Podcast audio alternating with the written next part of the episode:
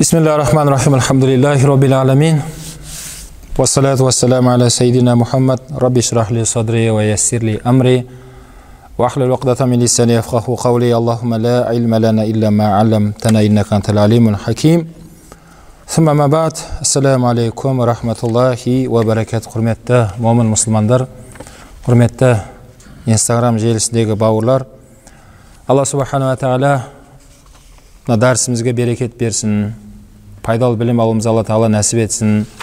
Алған білімімізге амал етіп ертең қияметте алланың құзырына барған кезде қабыл болған амалдардан болды алла баршамызға нәсіп етсін иншалла.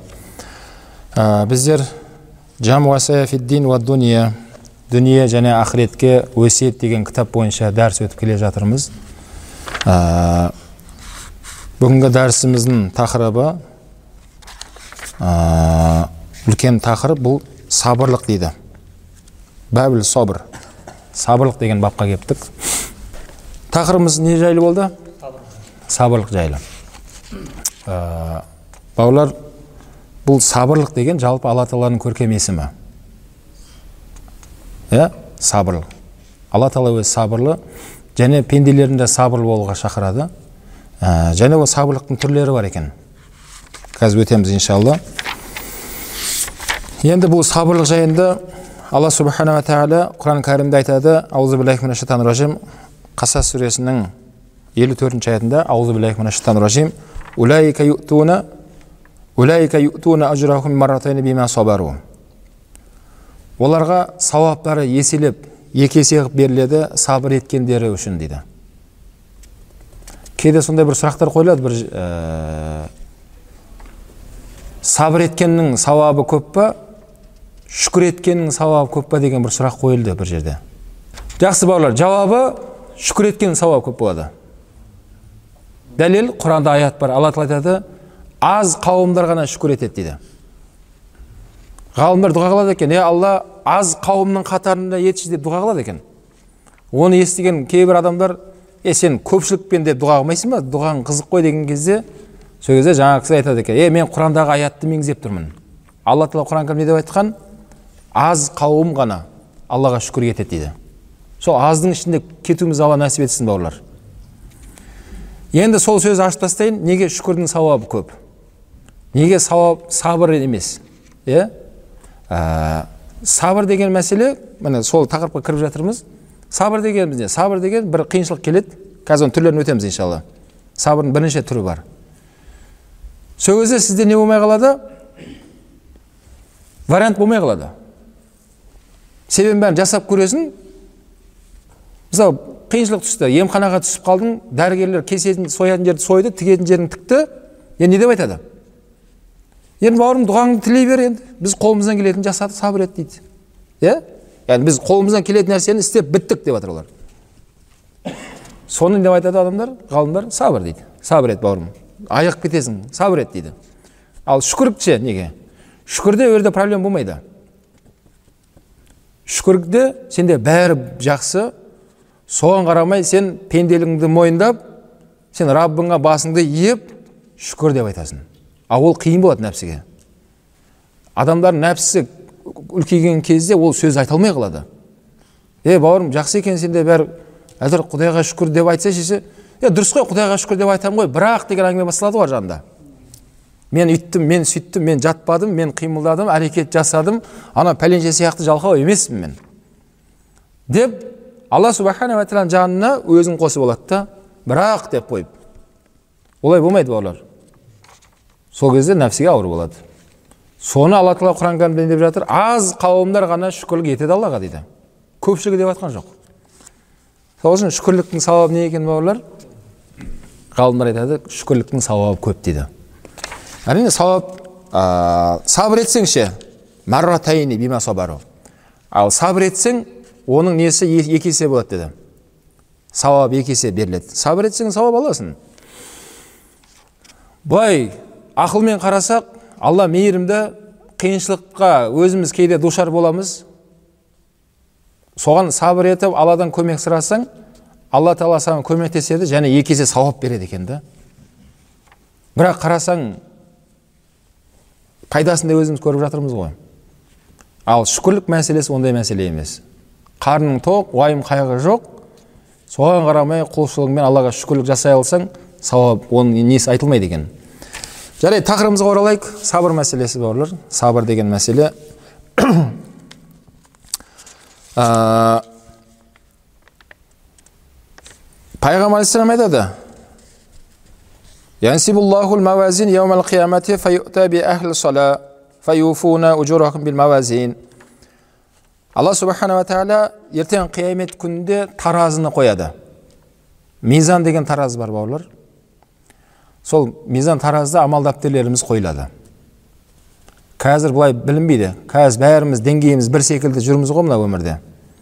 Бірақ сол амал дәптеріміз иншалла оң жағынан келуді нәсіп етсін алдымыздан келуді нәсіп етсін. Бұның өзі бізге белгі береді дейді. Құранда алла тағала айтады сондай сүйіншіленген қауымдардың амал дәптерлері алдынан келгендер оң жағынан келгендер қуанады дейді.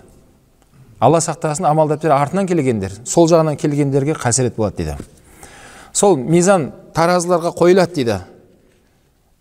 Әхіл сола намазхандар бар ғой намазына берік болған құлшылыққа берік болған адамдардың мизанға қойылады. Соған байланысты сауаптарын алады дейді міне мына кісінің намазы осынша сауап жинап бәрекелді алып жатыр. Екіншісі намазы мынандай болған екен. Ол мынандай болып алынып жатыр. Деген секілді сол әділдікпен амалдар таразыда қойылады мизанда.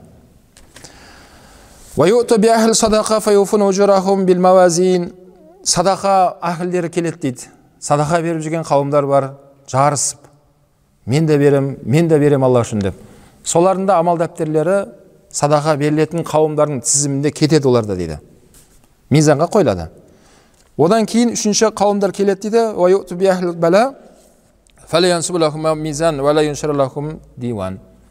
Үшінші деңгейде келеді дейді қауымдар шақыртылады екен. Басына бәле төнген адамдар шақырылады дейді. Яғни проблемасы бар адамдар. Бірақ расул айтады олардың амал дәптерлері мизанға қойылмайды дейді. Оларға алла тағала өзі еселеп сауабын бере салады дейді өткізіп жібереді дейді. Өйткені олардың сауаптары мынау қиыншылыққа сабыр еткендер үшін дейді. Демек қиыншылыққа сабыр ету мына хадис бойынша қарайтын болсақ намаздан да садақадан да сауап көп болып тұр екен. Сол жағымен салыстыратын болсақ ә, сабырлықтың несі көп екен? Сауабы көп. Расул айтады ол мизанға да сартылмайды дейді. Өйткені ол өте үлкен сауап болғандықтан. Сол сабырлық деген нәрсені енді шейх кітап бойынша айтады ғалым кісі. Ә, сабырлыққа келетін болсақ жалпы сабырлық адам бойында адам өзі екі нәрседен тұрады дейді. Тәннен тұрады және жаннан тұрамыз. Сол жанның бойында нәпсі деген нәрсе бар. Нәпсі. Денеге қатысты сабырлық мәселе бар дейді нәпсіге қатысты сабырлық мәселе болып екіге бөлінеді дейді. Ал жалпы проблемаларды сабырлықтың түрлерін мына жақта төртке бөліп тастаған бірақ мына екеуі бұл бөлек мәселе. Өзіміздің қазір бойымызда әр адам баласының бойында ә, сабырлыққа қатысты екі мәселе бөлінеді дейді. Денеге қатысты сабырлық бар және жанға қатысты сабырлық денеге қатысты не сабырлық десе бұл кісі айтады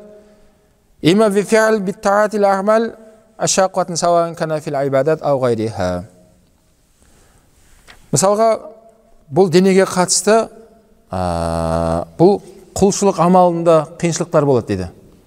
Денеге қатысты бұл. Суық күнде дәрет алып намаз оқу оңай емес иә суық күнде ә, немесе анау адамдар қажылыққа кетіп жатыр уақытын сарыптап аяқпен ана жақта талапта жүру керек оңай емес оның бәрін адам сабыр ету керек сауап алу оңай емес иә ол қажылыққа кеткен кісілерді намаз оқып жүрген кісілерді ә, ертең ораза келе жатыр иншалла алла рамазанға аман есен жетуімізді нәсіп етсін оған да сабыр ету керек. Ернің кезеріп шөлдейсің денең кішкене солады. Ә, қиыншылықтар болады машақат болады денемізде. Бірақ момын мұсылман адам не істейді оған? Сабыр етеді. Бұл денеге қатысты сабырлық қылатын мәселе дейді. Мына сол денеге қатысты сабырлық жасағандықтан мына денеңіздің хаққысын берген болып есептелінеді екен бауырлар денеге қатысты мәселеде. Мысалы алла субханала тағала құсты не үшін жаратты. Құстың миссиясы ұшу керек а? Ат ше ат шабу керек. Сол сияқты адамның денесі бұл құлшылық жасау керек. Мына денемізді сол құлшылық жасау үшін икемдеп жаратып берген алла субханала тағала е мына аяғымды намаз оқиын десем иілмейді деп ешкім айта алмайды. Саусағыңның ұшына шейін иілетін қылып қойған алла тағала. Е намаз құлшылыққа мына денеңіз өте икемді егер ат секілді ма төрт аяқты болып жаралғанда мүмкін біз айтар едік. Е мен мынамен қалай намаз оқимын мен мынамен е мынамен мен қалай құлшылық жасаймын мына денеммен? Келмейді ғой мына икемге деп айтайын десек айта алмаймыз. Сол денемізді өзінің миссиясын орындауда адам сабыр ету керек. Ә, бірақ есесіне алла субханала тағала мына өмірде де ана өмірде де аяқ қолыңа алла берекет беріп қояды. Дене. Денеге қатысты мәселе. Немесе бұл денеге қатысты тағы мәселе бар дейді.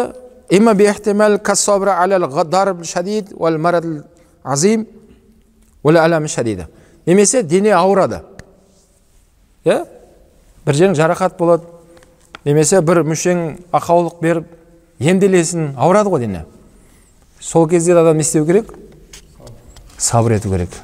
Енді мынандай бір ә, бәни исраилден кіріп кеткен мәселе бар оның ондай емес негізінде. Аюб алейхисалам ауырған бауырлар бірақ кейбір адамдар оны дамытып жіберген да ана сөздерді. Ауырған кезде несі не болып кетті дейді? Денесін құрт жеп кетті дейді. Оны қауымы қуып жіберді де сөйтіп адамдармен араласа алмай сыртта бір үңгірдің ішінде өмір сүріп құрттап кетті денесі дейді. Сөйтіп не болды дейді? Құрт денесіне түсіп қалса құртты алады да бәрін біліп отырсыңдар оны ей құрт сенің ризығың мен же деп қайтадан денесін кіргізіп жібереді дейді бауырлар өтірік бұның бәрі бұндай ертегіні айтпаңыздар да тыңдамаңыздар да пайғамбарлар ондай адам жеркенішті аурумен ауырмайды бауырлар пайғамбарлар ауырған расулаллам айтқан пайғамбарлар ауырған кезде екі есе ауыртпашылықта болады деген яғни біліңіздер мына өмірде қазір қатты біреу ауырып жатқан болса білсін пайғамбарлар сенікіден екі есе ауру қатты болған оларда. Бірақ сабыр ететін. Бірақ жаңағыдай не қандай ауру емес? Жеркенішті құрттап кететіндей емес. Оның бәрі исраилаттар яғни еврейлердің осындай қолдан кіргізген тоқыма сөздері ғой оның бәрі. Қолдан жасалынған сондай сөздер оның бәрі. Кіріп кеткен. Аюб алейхисалам ауырған сынақ болған ол кісіде. Бірақ анандай қиссадағыдай емес. Сол сияқты адам денесі ауырған кезде адам оған сабыр ету керек. Сабыр еткеннің есесіне алла субханала тағала не істейді? Не істейді? Күнәң кешіріледі сауап аласың кафарат болады. Расул айтады алла тағала сүйген пендесіне ғана қиыншылық жібереді деген. Ол қиыншылық деген не ауру болып келеді? Не басқаша болып келеді? Түрлі түрлі болып келеді алланың қиыншылығы. Ал момын мұсылман адам ол қиыншылықты сабырлықпен қарсы алады. Сабырлықпен альхамдулилля дейді. Маған қиыншылық келді. Алла тағала рахматын алсын баршамыз деп дұға қыла бастайды. Сабыр етсең сондай кезең қайтадан шығасың иншалла жақсылыққа. Міне осы денеге қатысты мәселе еді дейді. Денеге қатысты. Енді екіншісі түрі бар дейді. Ол нәпсіге қатысты дейді. Нәпсіге қатысты ә, сабыр ететін мәселе бар екен. Нәпсін қозған. Қалай ол?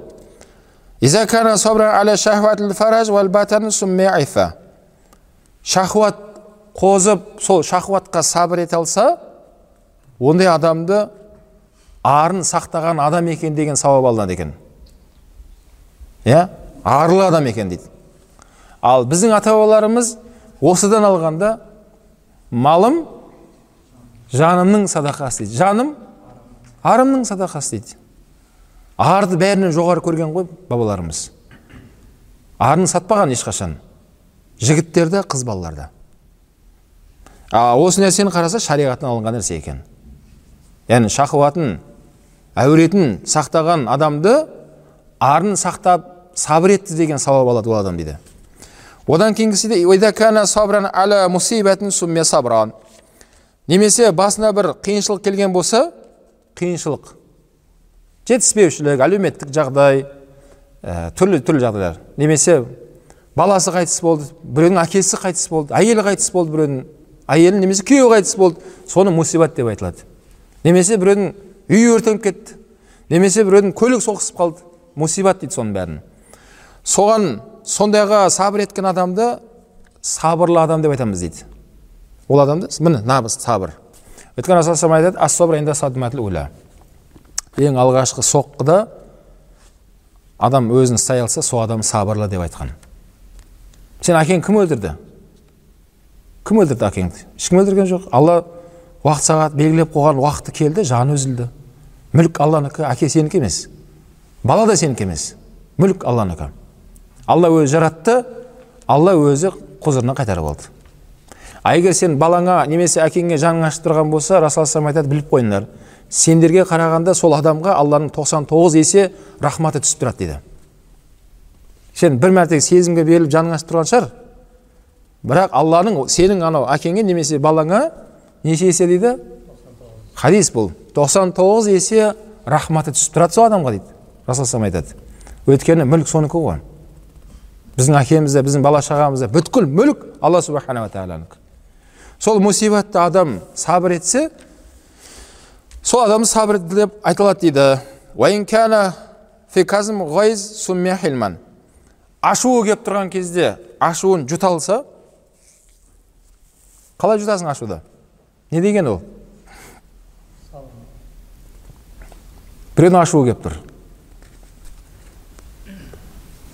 Сол ашуын ұстайды ол. Не істеу керек? Отыру керек. Отыра алмасаң ше? Жақсы ғой айта беру. Құдай басқа салмасын да бірақ шынымен бір жағдай болған кезде оның бәрін тұра тұршы дейді ғой адам иә? Басты қатырмашы дейді ғой. А бірақ сол адам сол жерде сабыр ете алса ол адам хилман жұмсақ адам деп айтылады екен.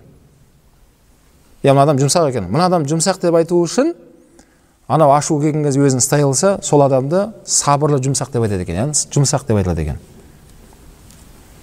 Бір көрші үйінен шығып боран соғып тұр екен шықса келесі көрші көшеде отыр үйінің алдында дейді. Е көрші боран соғып тұр неғып көшеде отырсың десе жоқ бәрі дұрыс үйдегі боран бұдан да қатты соғып тұр деп айтады дейді. Көшеге шығып қой ашу басылсын деп шығып кеткен ғой үйінен. Дұрыс істеген дейді ғалымдар айтады иә өйткені ол шапалақ екеу екі қол ұрған кезде дыбыс шығады дейді. Немесе оны допты стенаға ұрсаң доп өзіңе қайтады дейді. Оны қаттырақ ұрсаң одан да қатты қайтады дейді. Әйел адаммен салғыласып керек емес дейді. Шынымен жаңағыдай бір айқай шу болып жатыр ма? Үндемей не істе? Көлігіңе мін да кетіп қал қайда кетті? Мешітке кетіп қал кел де құран оқы намаз оқы иншалла. Немесе бір пайдалы жаққа кетіп қал бір айналып кел иншалла. Боран кішкене басылсын. Кейін қайтадан ақырындап ақырындап дұрыс неде сөйлесуге болады. Ал ашу келіп тұрған кезде адам бір бірін тыңдамайды. Ашу келген кезде адамның мына ми жұмыс істемейді екен ғой ақыл шайтан ана отқа нені үрлей береді ана майды құяды ол от от одан бетер үлкейе береді. Сол үшін ашуды жұта білсе ол адам не деп айтады екен? Хилман жұмсақ мейірімді деп атақ айтылады екен шариғат бойынша.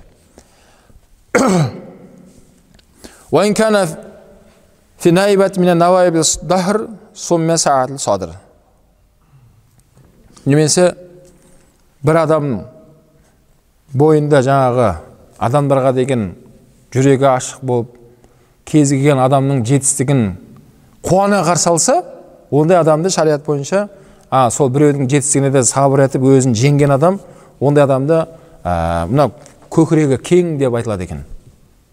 Қазақ не деп айтады жүрегі кең деп айтады ғой. Иә мына ағамызды танимыз жүрегі кең адам оған бәрі адамдар сыйып кетеді анасының жүрегіне дейді. Оған немесе не дейді? Көңіл сыйса а, сол көңілі кең адамдар деп жатқан осы адамдар екен. Яғни өзі нәпсісін жеңе алған да ол. Ал бір адамдар нәпсісін жеңе алмаған кезде біреудің жетістігінен көре алмастан қызғанып сабыр ете алмайды да не дейді сонымен өсек бастайды. Ғайбат басталады. Ол ғайбаттың арты тағы бірдеңеге ұласады. Сөйтіп сөйтіп үмбеттің арасында фитна басталады. А, оған егер сабыр еткенде онда оған жаңағыдай көңілі кең жүрегі кең деген атақ алатын еді дейді.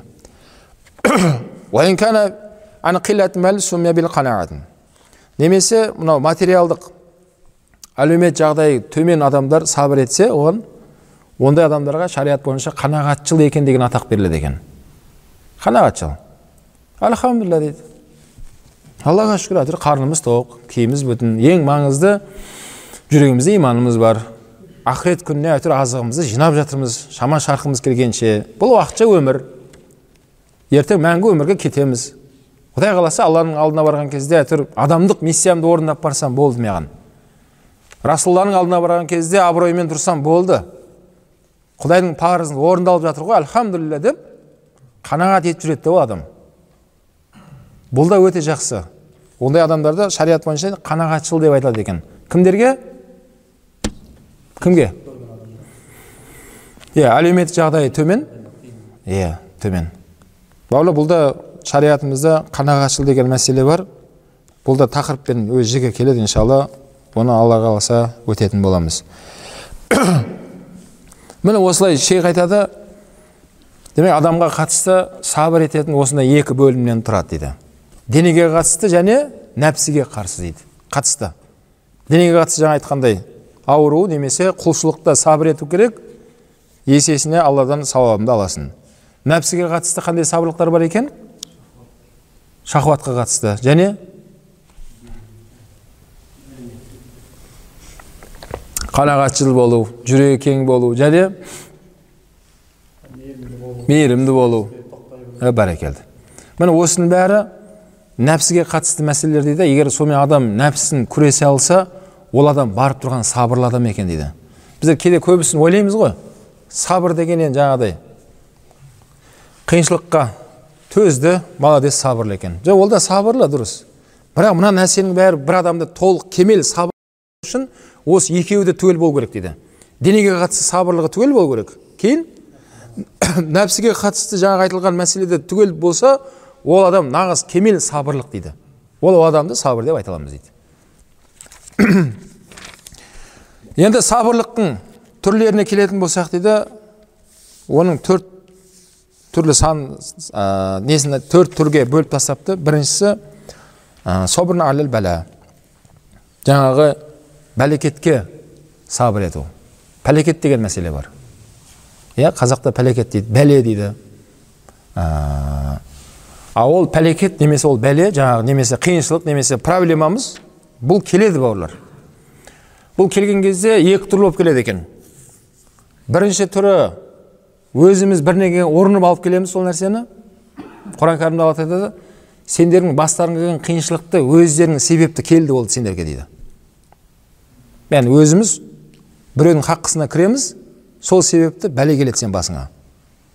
Немесе тура жолда жүрдіңіз алла субханала тағала сізді жақсы көреді. Сөйтіп алла тағала сізге бәле жібереді. Сынақ жібереді дейді. Иә? Бірақ ол момын мұсылман адам осы бәлені екеуін де сынақ деп қабылдайды. Ә, және момын мұсылман адам ол сынақтан қашпайды дейді. А егер ол адам руханияттан алысты адам болса ол адамдар қиналып қалады. Ішімдікке салынып кетіп жатыр. Өзіне қол жұмсап қойып жатыр. Тағы басқасын басқа алла сақтасын оның бәрі харам нәрсе еді. Адам проблемадан қашып құтыла алмайды бауырлар өйткені мүлк алланікі біз алланың мүлк пендесі боламыз. Біздің тағдырымызды алла оны мөлшерлеп тастаған. Не болады қалай болады бәрі жазылып тұр тағдырымызда. Және ә, сол қиыншылықты момын мұсылман адам алла рахмат деп қабылдайды. Альхамдулилля а егер сол қиыншылықты жаман нәрсе деп қабылдайтын болсақ алла тағала қиыншылықтың көкесін пайғамбарларға жіберген еді дейді. Олардың қиыншылығын алла бізге жібермей ақ қойсын дейді. Кез келген пайғамбарды алып қараңыз дейді. Кез келген. А сол бүткіл пайғамбарлардың ішінде хамсал азм деген бес пайғамбарды ерекше айтады шариғатымызда. Бес пайғамбар. Кімдер олар? Ибраһим алейхисалам кейін. Кім? Нух алейхисалам кейін мұхаммад а, муса алейхисалам иса алейхисалам мұхаммад алейхисалам мына бесеуіне яғни басқа пайғамбарларға қарағанда мына бесеуінде ерекше сынақ болған ғой. Бесеуі өте қатты сыналған сол бесеудің ішінде тағы бір адам өте ерекше сыналған ол пайғамбар алейхисалам мұхаммед алейхисалам. Қазір осы отырған бүткіліміздің басымыздағы проблемамыздың бәрі бәрімізде біреу біреуден болуы мүмкін. Бірақ бәрі пайғамбардың бір өзінде болған. Біреу әкесіз өмірге келген болса қиыншылық қой десе пайғамбар жетім болған. Біреудің әйелі қайтыс болса пайғамбар хадижа анамыз қайтыс болды. Әйелі құрсақ көтере алмай қиыншылық көріп жатқан болса расул әйелдерді көтере алмаған. Тек қана сол хадижа анамыздың балалары болды. Кейін ана күн қыз мария анамыздан болған. Ибраһим бала ол да шетінеп кетті. Иә баласы қайтыс болса расул алты баласы қайтыс болды. Көзінің тірісінде біреуі ғана тірі қалды. Алтауына топырақ салып жерледі пайғамбар алейхисалам бір адам қуғын сүргінге ұшырап елінен қиын жағдайға түсіп жатыр десе пайғамбар елінен қуылды туып өскен меккеден қуылып мәдинаға көшіп кетті пайғамбар алейхисалам біреу ағайын туыстары көмектеспей поддержка бермей жатыр десе пайғамбар да болды. Өзінің ағалары қарсы шықты расулаллаға абу толиптан кімнен болса абу лахабтар е мына жетім қандай пайғамбар ол деп? Ауыр болды расул алейхисаламға ауыр болды. Бірақ соның бәрінен пайғамбар алейхисалам алланың көмегімен пайғамбар өтті оның бәрінен.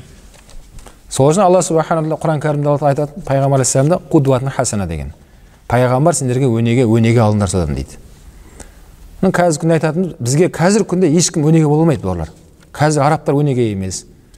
Сол ислам дамыған мемлекеттің кез келген ала беріңіздер ешқайсысы бізге өнеге бола алмайды. Бізге өнеге болған бір ақ адам бар. Кім ол? Пайғамбарымыз мұхаммад алейхисалам ал біз сол пайғамбарымыз сондай қиыншылықтан өтті ма? Енді үмбет бауырлар бізде ұсақталмауымыз керек. Сол үшін расул айтады мұсибат кез келген қиыншылық көрген кездеріңізде мені еске алыңыздар жеңіл болады деп айтқан ғой расул хадис бұл яғни кез келген проблема болды ма пайғамбарды еске алыңыз жеңіл болады пайғамбардың проблемасының алдында сіздің проблемаңыз ол проблема емес сіздікі жай болып қалады міне осы қиыншылықты жаңа ғалымдар айтып жатқаны сол егер қиыншылық бәле деген нәрсені егер жаман деп шариғат есептесе онда ол жаман деген нәрсені алла тағала ешқашан пайғамбарларына оны жолдамайтын еді дейді. Яғни пайғамбарларын ол жолмен өткізбейтін еді алла субхана тағала. Егер жаман нәрсе болып табылса дейді. Сол үшін алла субханала тағала өзінің таңдалынған расулдарын нәбилерін сол жолдан өткізген. Артында келе жатқан үмбеттер бауырлар сол үшін қиыншылықты ә, момын адам қашпайды одан. Оған мұсылман адам сабыр етеді. Жаңа айтып жатқан мәселе бар. Енді жаңа айтылғандай сабыр етсең сауап аласың. Сабыр ете алмасаң ше не болады онда? Онда күнә аласың. Алла субханала тағаланың өзінің бітетін уақыты бар кез келген нәрсенің себебін жасадың бірақ соған қарамастан көке жәкесін салып ақша беріп пара беріп тағы бір бәледен құтылайын деп әрекет қылып жатқан болса оның бәрі күнә болады. Мұсылман адам ондай қиыншылықпен не істемейді. Ә, ондай қиыншылықтан қашпайды мұсылман адам. Сахабалардың уақытында да қиыншылық болған кезде жаңағыдағы достары тағы туыстары е қиыншылығыңды бөлісіп көмектесейік деген кезде айтады екен араласпаңдар деген. Ертең қияметте алланың құзырында менің күнәмді ешкім арқаламайды менен басқа.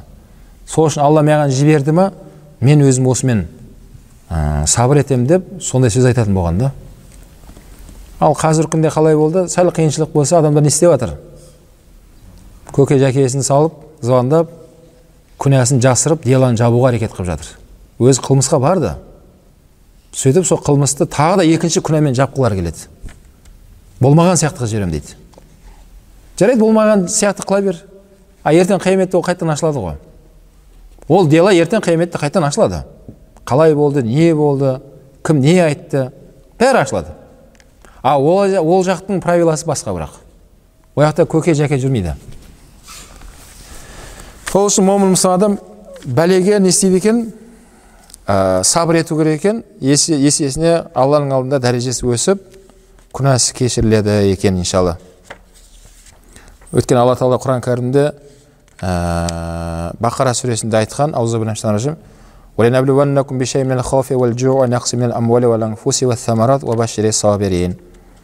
алла тағала сендерді хауф бір қорқынышпен сынайды. Аштықпен сынайды дейді. Жо иә? Дүниелеріңді азайтып қойып сынайды. Саудаң болмай қалады. Ақшаң таусылып қалады. Бірдеңе болып қалады. Иә дүниең азайып қалды. Сонымен сынайды дейді. Анфус. Және араларыңда туыстарыңды алып қой бала сынайды. Балаңды алып қояды әйеліңді алып қояды әкеңді алып қояды. Ал не істейсің? Сабыр ет. Және еккен егіндеріңді болдырмай қойып қой бала сынайды дейді. Иә былтырдан бері не болып жатыр? Қиыншылықтар болып жатыр. Сабыр етейік бауырлар. Дұға қылайық. Жерден шөп болмай жатыр. Мынау шаруаларға қиын болып жатыр. Алла жеңілдік берсін иншалла. А оның бәрі кімнен болып жатыр? Алла тағала соны бізге жіберді. Бірақ алла солай сынайды дейді. Соған сол сол өткендегі жаңағы қиыншылықтарға сабыр еткендерді сүйіншіле оларды дейді. Пайғамбар алейхисалам айтып жатыр ол адамдарға сүйінші хабар бер. Яғни оларға алла субханала тағаланың тарапынан өте үлкен сауап бар. Сабыр ет иншалла есесіне құдай қаласа мына өмірінде де ақыретінде де сауабыңды аласың дейді. Екінші сабырдың түрі екіншісі екінші сабырлық мынау алла субханала тағаланың мынау нығметтеріне сабыр ету.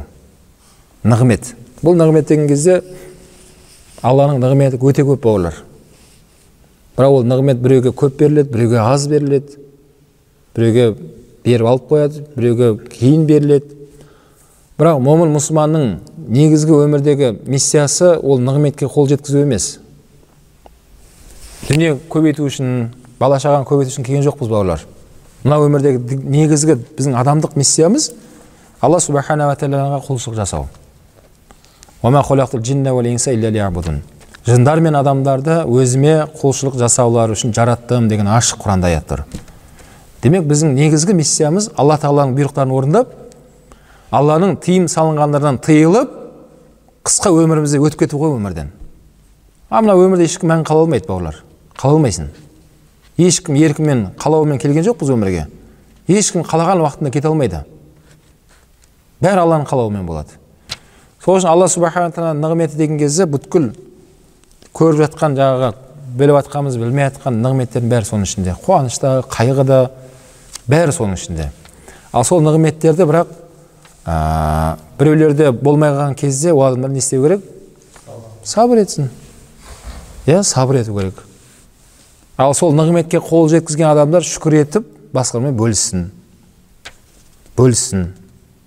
Қазақ не дейді көршің соқыр болса бір көзін қысып жүр дейді.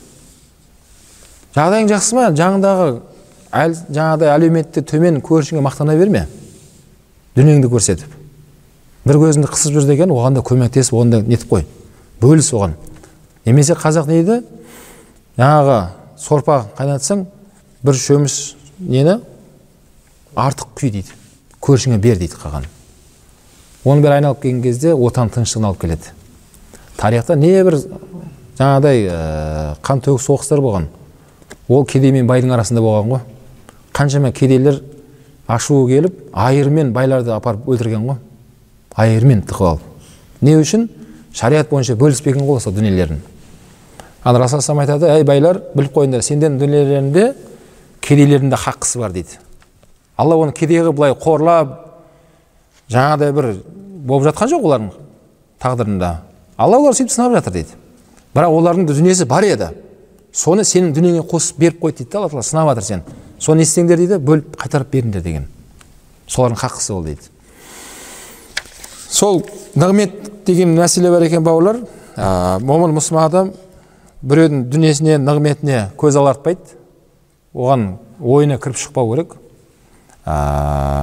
Аман болсын бар болсын әйтеуір қайырлы болсын әйтеуір пайдалы болсын деген дұғасын айтып жүре беру керек та иншалла сол кезде ол адам сабырлы еткенден болады дейді. Одан кейін үшінші түрі құлшылыққа сабыр ету. Құл болу. Алла субхана тағала құл болуда бауырлар сабырлық ету керек. Біз құлмыз негізінде. Кімнің құлы? Алланың құлы егер алланың құлы болуға жарамасаң онда пенденің құлы боласың онда. Нәпсінің құлы боласың. А нәпсінің құлы болған кезде екі дүниеде қор боласың сен. Алла біздің маңдайымызды тіземізді алладан басқа ешкімге алла идірмесін да. Біз тек қана аллаға құл болуымыз керек. Құлшылық жасау тек қана алла тағала ғана лайықты сол құлшылықта бірақ жаңағыдай нәпсіге ауыр тиюі мүмкін. Оның бәріне адам сабыр ету керек алла субханала тағала сол себепті астынан өзендер ағатын жәннатты дайындап қойғанмын деп тұр ғой құранда а ол жәннаттың бауырлар ол өмірдің аяғы жоқ бітпейді қазір мына өмірде былай қарап отырсаңыздар жаңа тілек айтқан кезде ешкім бір біріне екі жүз жыл өмір сүр деп тілемейді ғой иә бәрі нені айтады ана жүзге жақындап қалған бір ақсақал айтады дейді одан басқа цифр жоқ деп айтады дейді. Ақсақал жүз жасаңыз десе екі ақ жылға қалған екен да жүзге баруына. тоқсан сегізде ғой сол жерде ақсақал не деп айтады? Е одан басқа жас жоқ па кішкене деп айтып айтыңдар деп айтады дейді. А, а ол өзің де біліп тұрсың да. Жүз жыл барсың ба жоқсың ба бір ғасыр оны бір алла біледі. Ал расул айтып қойған бір ғасырдан кейін бір ғасыр жүз жыл ғой. Бір ғасырдан кейін сендерді көріп тұрған естіп тұрған біреуің қалмайсыңдар деген ғой өмірде. Мына жерлерде жүз жылдан кейін басқа адамдар болады бұл жерде. Егер қиямет басталып кетпесе біздің ұрпақтарымыз болады иншалла. Олар да дәрісте отырады құдай қаласа руханиятта отырады. Бұл деген не деген сөз? Демек мәңгі өмірдің азығын қысқа өміріңде жинап ал деп жатыр. Уақыт өте тығыз. Мына өткенде қажылықта болып келдік иншалла. Дұға қылдық елге жерге. Сол қажылықта жаңағы бауырларымызға айтып жатырмын да. Бауырлар мынау киген нелеріңіз құтты болсын деймін ғой кебіндерің. Ғалымдар сөйтіп айтқан да анау ақ кебін бар ғой. Оны ихрам деп жатырмыз ғой ихрам. Сол ихрамды кейбір ғалымдар кебін деп айтқан. Кебін.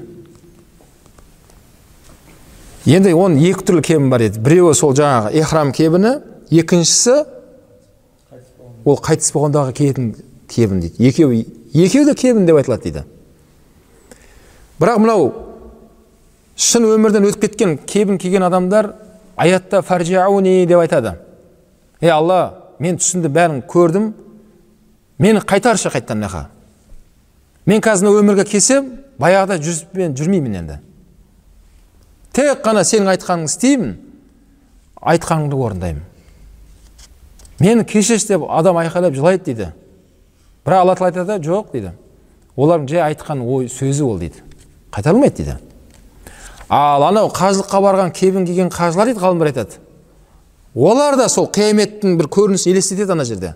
Бәрі аппақ киініп алған бәрі бір көріністе бала шаға дүниең мансап бәрі қалды еліңде сенің сен бірақ сөмкеңмен кеттің қажылыққа дейді.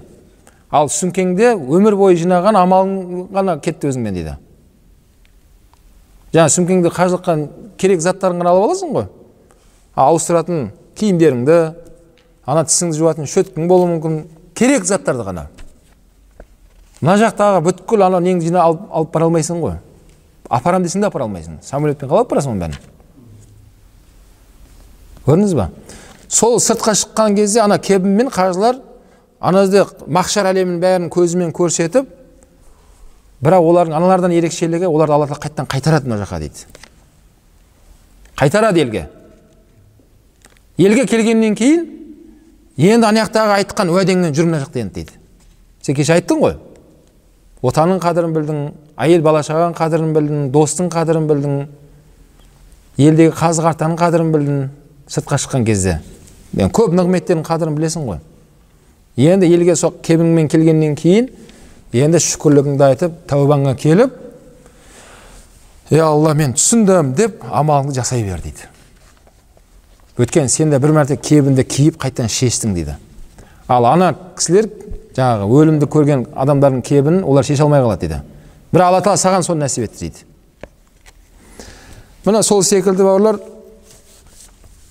алла субханала тағаланың құлшылығында не істеу керек дейді сабыр етсең иншалла алла тағала есеңді ешқашан жай жібермейді керісінше мәртебеңді өсіріп сауабыңды арттырады екен төртінші түрі қиыншылыққа сабыр ету екен енді мына айтып жатқан нәрсенің бәріне дәлелдер бар бұлар мына жерде неше беттеп дәлелдер бар қазір оны оның бәрін оқып былай қысқа нұсқа қылып айтып жатқанмын сіздерге кітаптың мына кісінің қазір сұрақтарын мен қараймын сабырға байланысты бұнымен тақырыбымыз әлі біткен жоқ ә, жаңа айттым үлкен тақырып сабырлық деген мәселе.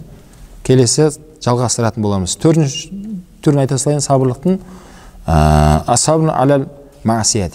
күнәға сабыр ету. Төртінші түрі.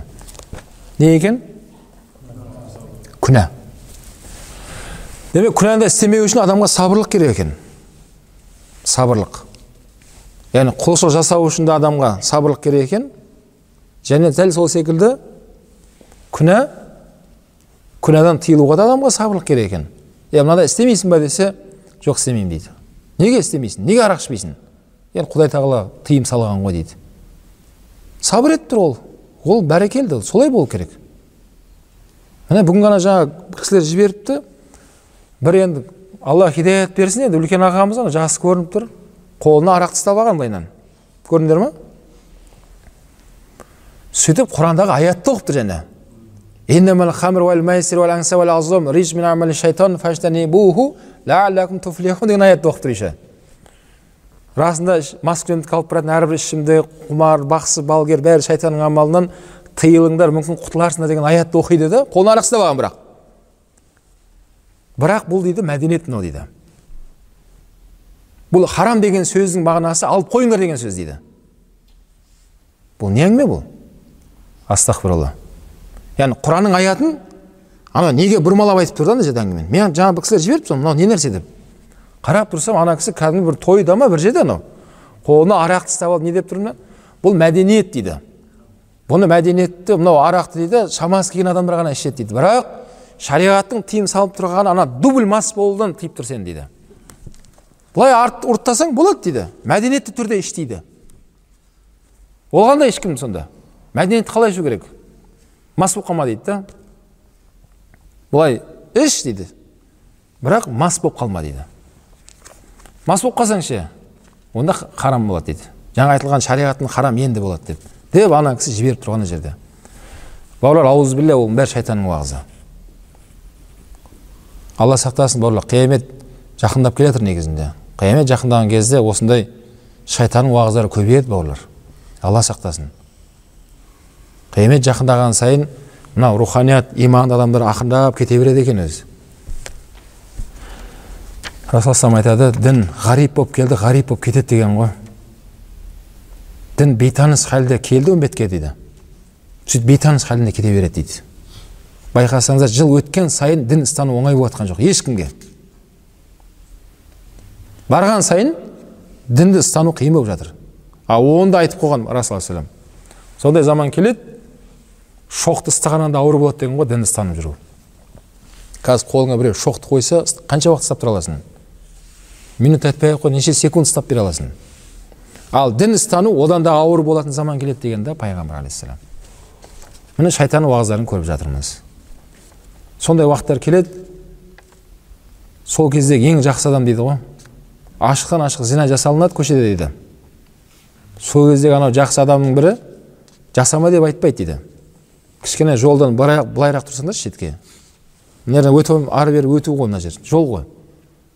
Істеме деп айтпаймын дейді. Жасаңдар бірақ жолға кедергі болмайды шетке тұрыңдар. Ал ол кезде енді алла сақтасын ол кезде енді пасықтықтың жайлап кеткен кезі ғой. Сол үшін күнәға да сабыр ету деген мәселе бар екен. Оған сабыр ету керек екен. Күнәдан тыйылу. Міне құрандағы сол тыйымдар сол ғой. Алланың бұйрығын орындау алланың қайтарғанынан қайту. Ал мына нәрсеге сабыр етпесем онда ар жағында шайтан қағып алады. Нәпсіңді қоздырады да не болады? Ойнап күліп тозақ ниетінен есігінен бір ақ кіргізіп жібереді. Ал тозақтың есігінің бәрі әшекеленген әдемі көріністе фонда болады деген. Ал жәннаттың есігі деген өте жаңағыдай бір адам қызықпайтын көріністе болады деген. Неге көп адамдар қазір мешітке дінге қатты қызық емес қоғамда.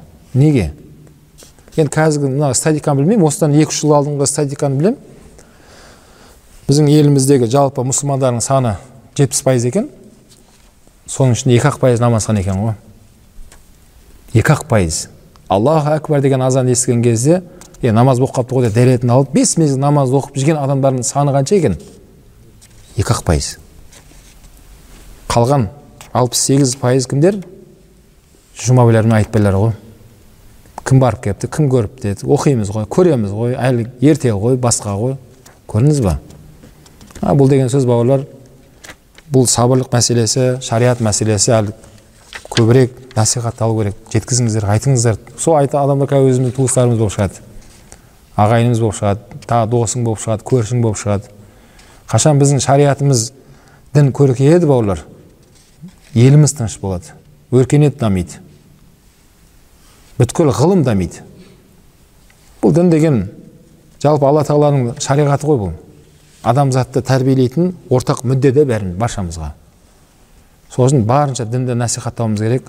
Барынша достарымызды туыстарымызды сол алланың қағидаттарын орындауға шақыруымыз керек та. Вот сол кезде біз ел боламыз.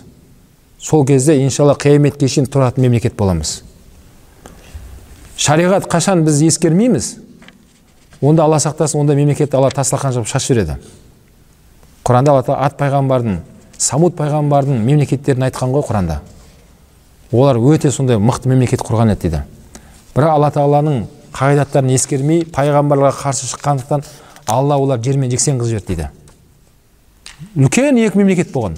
Ат пайғамбарын самуд пайғамбарын құрандағы аятта айтып жатырмын. Алла қаласа сабырлық келесіде қайтадан жалғастырамыз